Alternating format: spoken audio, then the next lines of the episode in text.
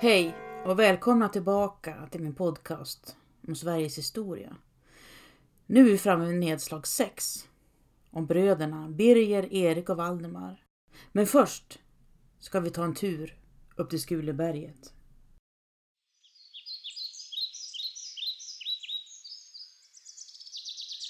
Kroppen är som ett tunt skirt tyg. Hur väl man än vårdar den bryts den ner till sist. Mor Sara, som tvingades till äktenskap med Ulf Börjesson av sin styvfar Sverker, fick inget långt liv. Hon dog redan under sin första barnsäng, förmiddagen när Anna föddes.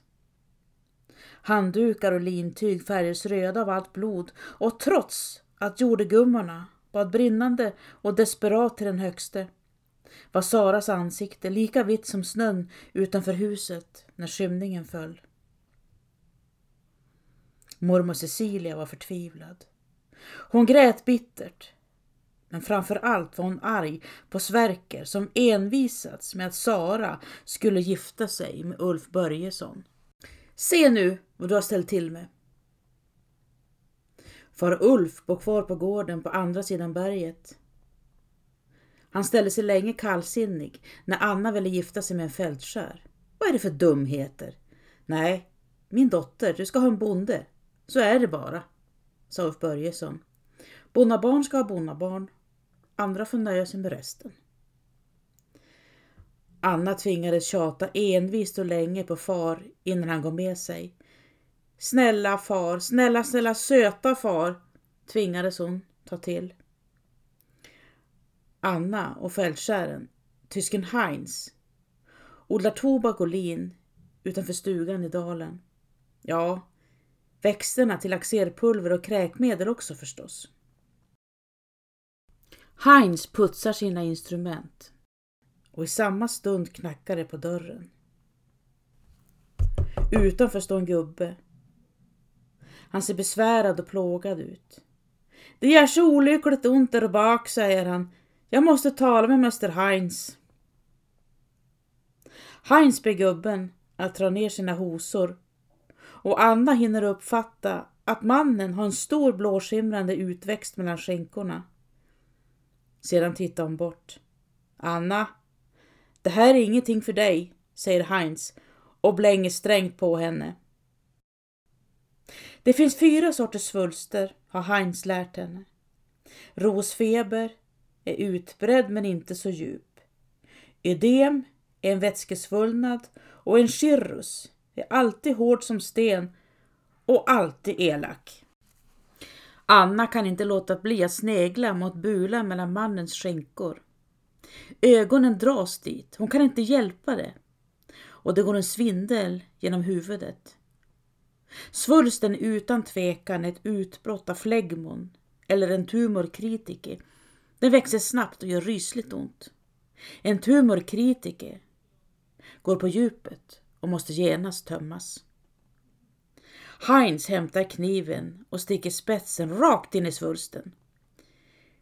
Gubben skriker till och i nästa stund pulserar en gröngul sörja ur hålet. Det ser brutalt ut, men sticket måste ske med kraft. Då hjälper det bäst. Gubben verkar lättad. Han skrattar när han drar på sig hosorna och viftar sedan med armarna. Det varken spänner eller gör ont längre, jublar han och visslar när han går ut genom dörren. Tänk vad han kan, fältskären. Det är som ett Guds mirakel. Anna kan också öppna bölder och blanda pulver. Om det skulle bli nödvändigt. Vin, kamfer, kamomillblommor och fläder är några av grunderna till en lyckad behandling.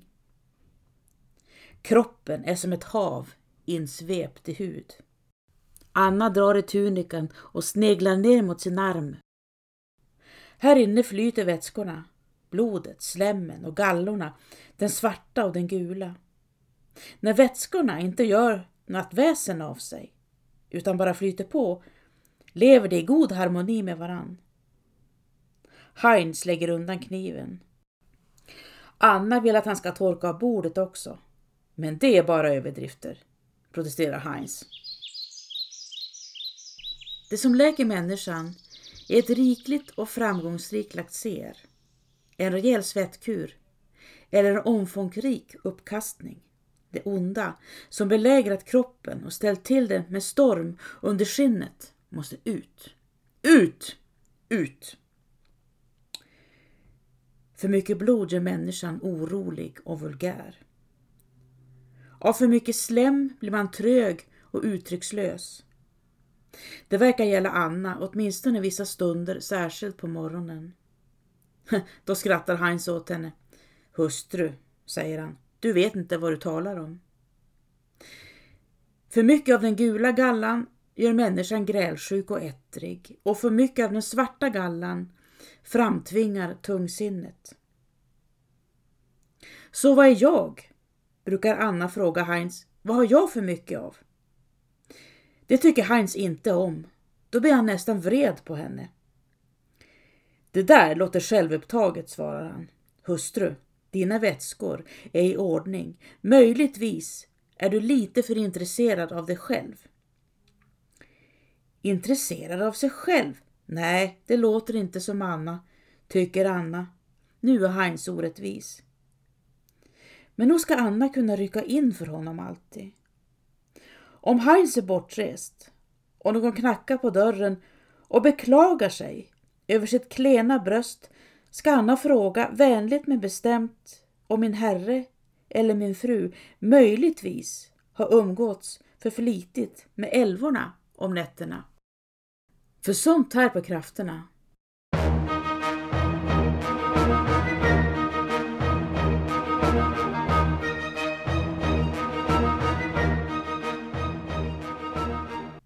Bröder? Vilka bröder? Sancho Panza slog ut med armarna. Jag menar, hela den här historien kryllar av bröder. Lugna ner dig, svarade Don Quixote, annars kommer du inte att begripa. Kung Valdemar avsattes av sina bröder, Erik och Magnus. Det minns du väl? De skämdes och hade tröttnat på sin brors erotiska bedrifter.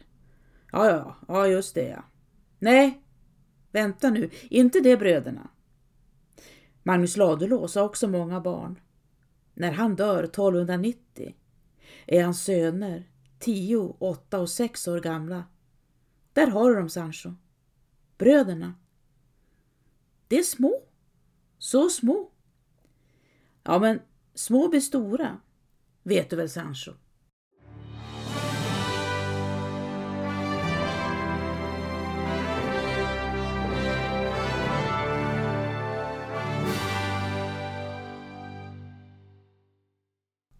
1306 är bröderna 26, 24 och 22 år gamla. Den äldsta brodern, Birger, är kung medan Erik och Valdemar är hertigar över Södermanland och Finland. Bröderna är ständigt i luven på varandra. Det är hertigarna mot kung Birger och störst makthunger har hertig Erik. Förmyndaren, Tyrgels Knutsson, gör det sig av med nu han döms för högförräderi och avrättas. Brödernas mor, enkedrottning Helvig, sitter mest på sin gård, Dovö, i Västmanland och hon sörjer djupt över sina söners ständiga bråk.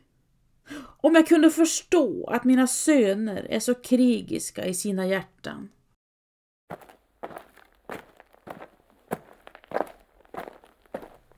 I september 1306 gör Erik och Valdemar ett oanmält besök hos sin bror Birger på hans gård i Håtuna.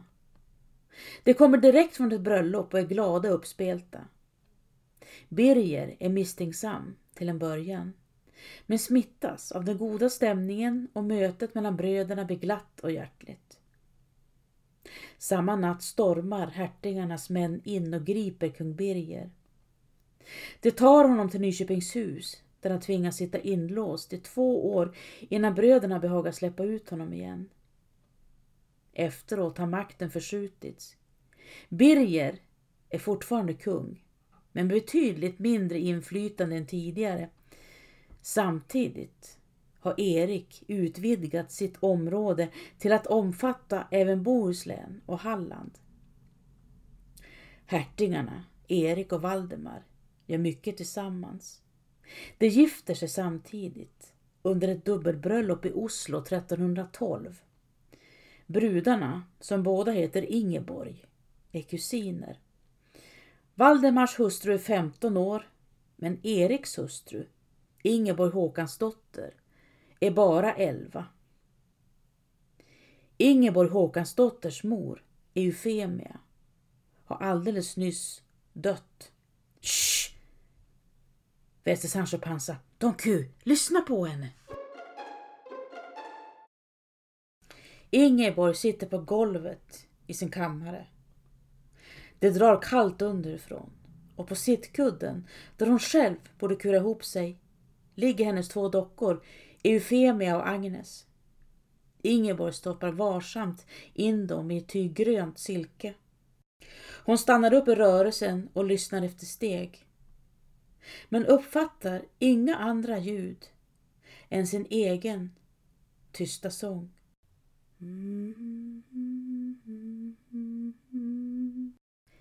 Ingeborg längtar efter dem, sin mor och sin syster, Eufemia och Agnes. Erik! viskar vi i hennes öra. Ingeborg tystnar och tittar sig omkring med uppspärrade glansiga ögon. Hon ser missnöjd ut. Ungefär som hon tänker, nej, mor vill jag att ni ska prata om. Ursäkta mig, säger hon och klarnar strupen. Men det är så kallt idag. Erik, fortsätter hon sedan. Ja, vad är det med honom? Jag har varit trolovad med Erik så länge jag kan minnas. Förut var jag lite rädd för honom. Han var som en tigande skugga i sitt okända tillstånd, men inte nu längre. Han är inte farlig alls, tror jag. Ingeborg tystnar igen och hennes ögon blir till klot. Hon tittar på dockorna och skakar sedan på huvudet. Nej, inga steg utanför dörren nu heller. Det bästa med Erik? Ja, det är nog när han rider iväg och stannar borta. Vart han tar vägen det vet jag sällan och det bekymrar mig inte heller. När han är borta har jag all tid i världen med de här två. Hon pekar på dockorna igen. Det näst bästa med Erik. Varför vill ni veta det? Det måste vara att han inte får röra mig förrän jag fyllt 15. Han brukar trycka sina läppar mot min panna när vi möts, men det är allt. Eller nej, han förde handen över mina bröst för en tid sedan. Jag tittade tillbaka på honom i triumf. Där finns ingenting att upptäcka än så länge, så känn du. Och han nickade lite tyst för sig själv. Det är tur att jag fick med mig dockorna. Ja, just de här två. Och jag gömmer dem under tredje plankan från vänster i golvet. Så om steg närmar sig hinner jag smussla undan dem. Titta, nu sover de. Erik verkar inte intresserad av att röra mig heller. Inte sedan han insåg att mina bröst låter vänta på sig. Men jag tror att han kan vara snäll. Ingeborgs mor, Eufemia, och översatt tre medeltida sagor som tillsammans har namnet Eufemia-visorna. Den sista sagan, om Flores och Blanceflor, blev färdig samma år som hon dog. Om man ska tro Erikskrönikan utan att övertolka fann drottning Eufemia och hertig Erik, den blivande svärsonen, en sann vänskap i varandra. Hon tog emot honom väl, så väl hon kunde, med söta ord och röd mun. Det umgicks av hjärtans kärlek. Hon hade honom i sitt hjärta kär, utan någon falskhet. Hmm, säger Sancho Panza, skvallerkrönikan. Sancho, vi vet ingenting alls om det där.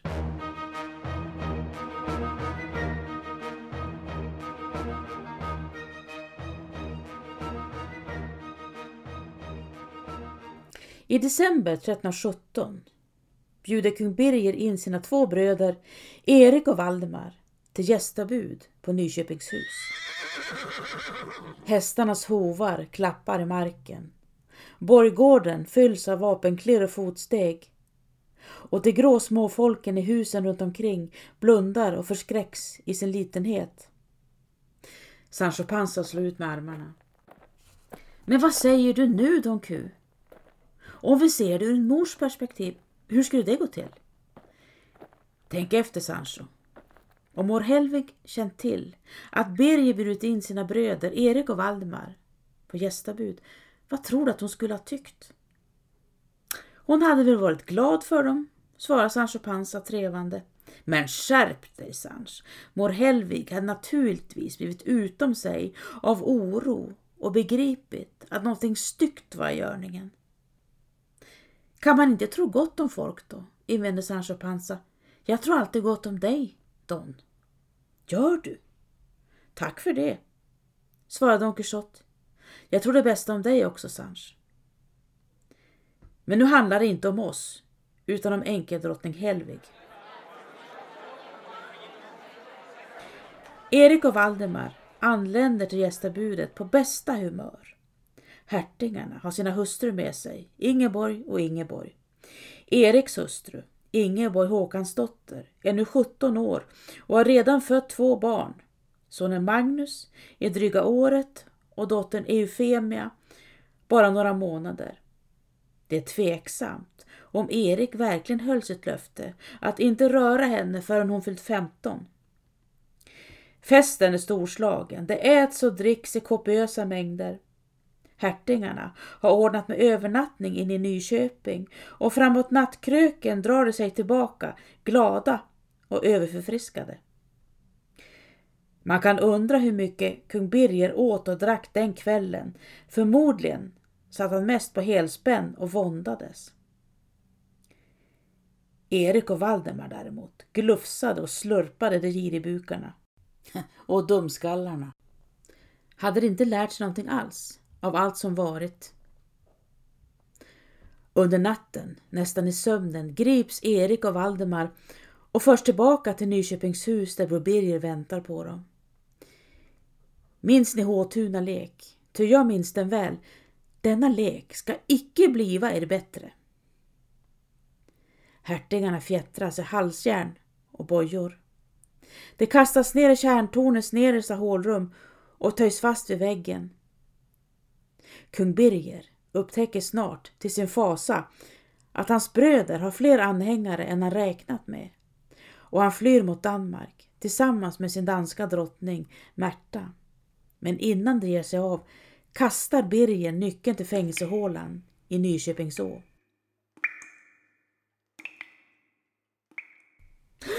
Kära hjärtanes, mor Helvig kanske inte ens vet.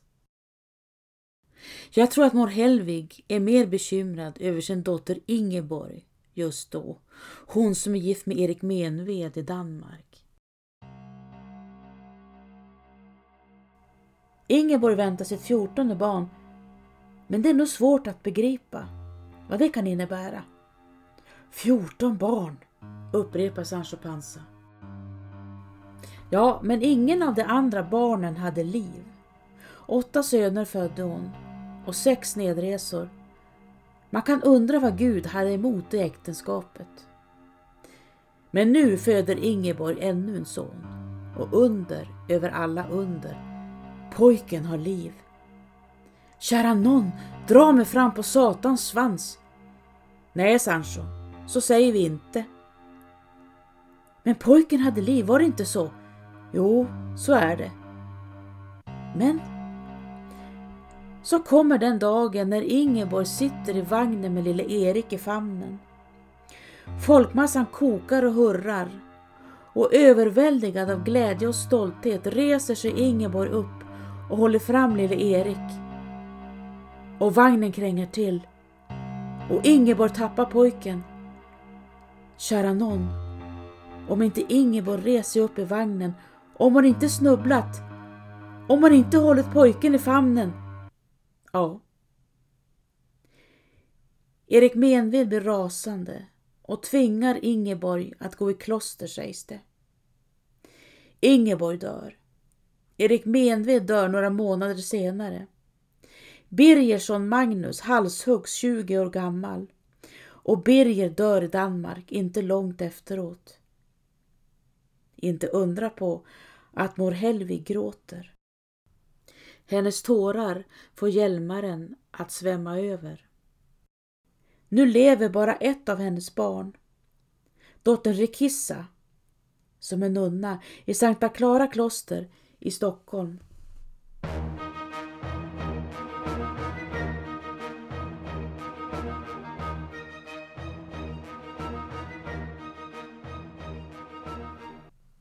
Efteråt, om det nu finns ett efteråt, återstår bara en tronarvinge. Hertig Erik och Ingeborg Håkansdotters lille son Magnus. Han väljs till kung och en förmyndarregering bildas där hans mor, Ingeborg, som nu är 18 år, är med. Men om han får behålla livet, står skrivet i framtiden.